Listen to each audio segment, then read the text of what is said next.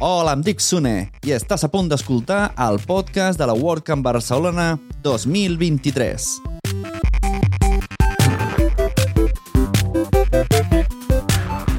La WordCamp Barcelona es va celebrar els dies 5 i 6 de maig a les Cotxeres de Sants i a la Pompeu Fabra. I en aquests episodis trobareu un tastet escoltant la gent que va passar pels nostres micròfons, els micròfons de la productora Nación Podcast. Benvinguts, bienvenidas, poneos còmodos, poneos còmodes, que comencem. Sigueu benvingudes i benvinguts al podcast de la WordCamp Barcelona 2023.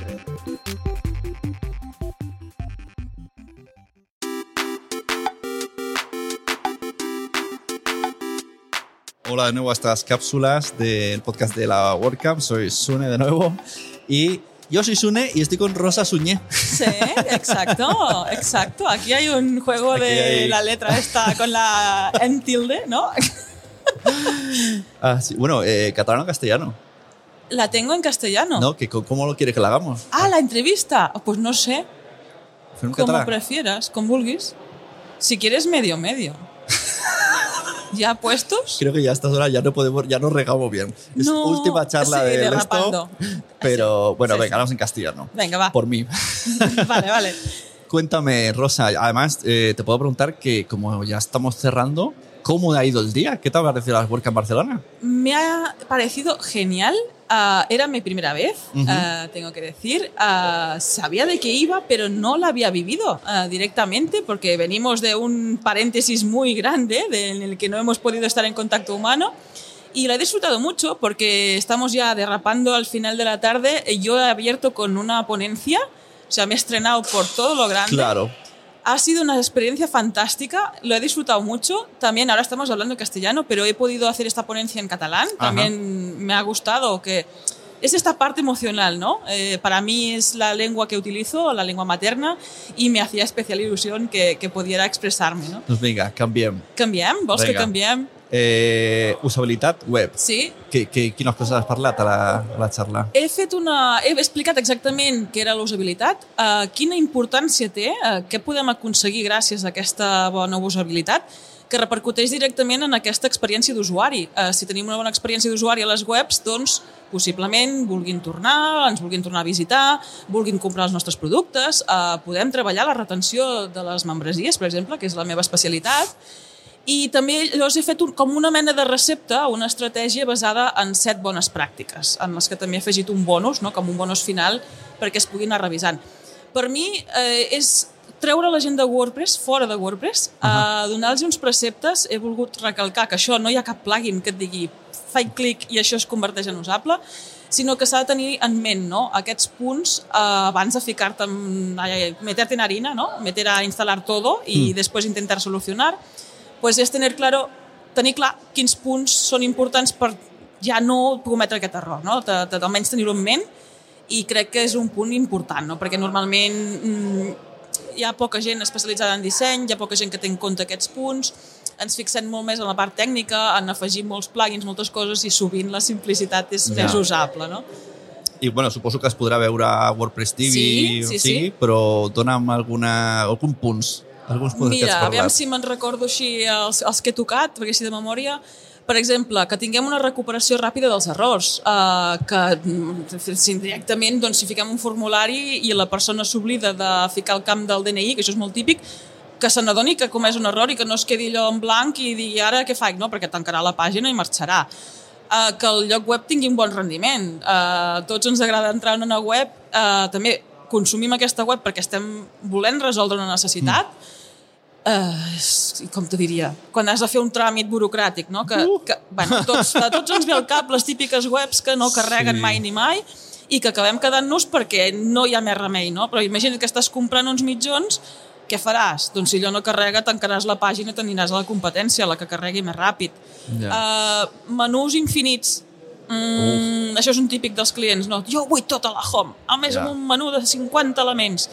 Ja us podeu imaginar I que això això suposo que és extrapolable a tot, perquè l'altre dia va venir una, no sé, alguna cosa que estic subscrit i em deia si, eh, si, si rellenes aquest formulari et regalem 5 euros a Amazon o alguna cosa així. Sí. Dic, vinga, va. I, I després de 10 minuts vaig dir, mira... Eh, Tanques, no? ah, no aquests 5 euros, 5 euros ja, Ja ja, s'he gastat ei. a, a, a, a la vida Sí, sí, amb el sí. temps que he empleat.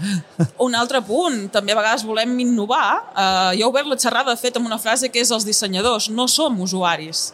A vegades sí, però sovint no. Uh, hem de pensar com aquest usuari que els botons siguin botons, que a vegades volem innovar, buscar així el disseny més guai i aquella persona no, no sap on Ja. ha de comprar, no sap on està l'enllaç, no sap identificar. No? Aquest Ja. també seria una bona pràctica de que realment semblin botons que ho pugui fer servir tothom, no? Que tots els usuaris puguin accedir a aquest contingut, Sí. eh, tinguin les habilitats que tinguin.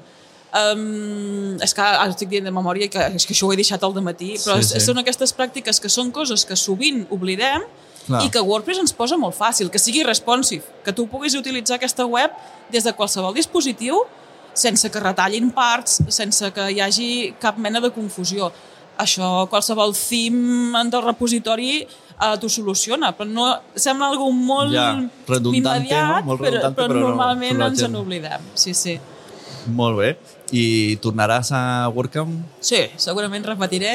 Sí, sí, m'ha agradat aquest punt de, també de, de xerrar, tornar a veure persones. Uh, jo online sí que estic acostumada a parlar, uh, però així en directe té com aquest punt interessant. Has anat alguna, alguna xerrada més? A part de la que Sí, has fet sí. tu? Ah, vull comentar una cosa, mira, aviam si tenim temps.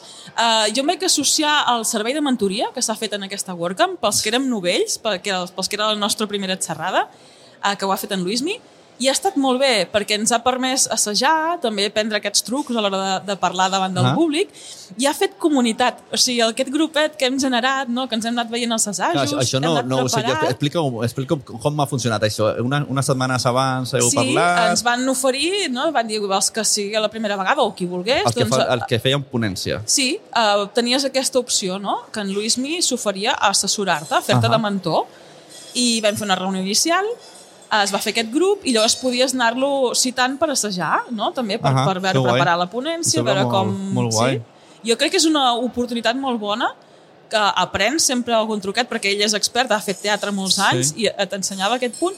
I alhora, entre la gent que, que estàvem en el grup, jo he anat a totes les ponències que he Clar. pogut, perquè és com, va, I una, mira... I una vegada aquí ja no estàs sol. No? Ja, Exacte, també. Tenies, sabies que almenys eh, coneixies aquesta gent, no? I tenies aquest punt de referència i ha estat una experiència molt bona. Jo trobo que també aquesta oportunitat que l'han afegit en aquesta WordCamp doncs ha estat molt bé.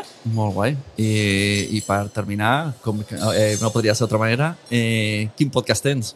Ingresos recurrentes. Ahí me vais a escuchar hablar este fantástico castellano con acento catalán que me delata. Hoy en Barcelona puedo decir eso, en la charla en catalán. Pues me podéis escuchar desde ahí, desde Ingresos Recurrentes. Hablamos sobre emprendimiento, de eso, la recurrencia, la escalabilidad y sobre membresías, que es nuestro core. Pues muchas gracias, Rosa. Gracias, por ti, pasarte por los Sune, micrófonos. aquí de Sune a Sune. Sune a ¿Sabes Sune. que cuando cojo un avión siempre soy Sune? Claro, claro. Claro. Claro, la ñ no te ponen. No, Muy bueno. no. Pues Muchas, gracias. Hasta luego. Chao.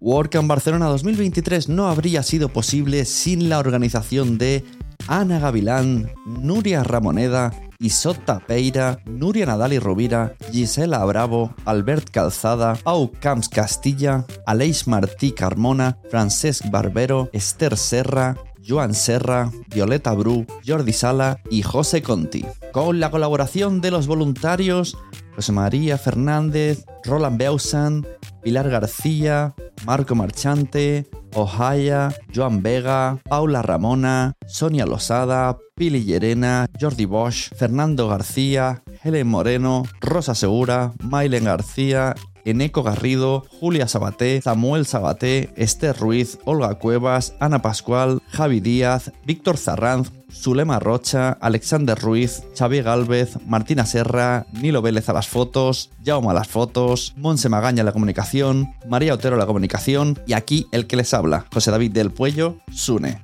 el de la grabación y edición del podcast.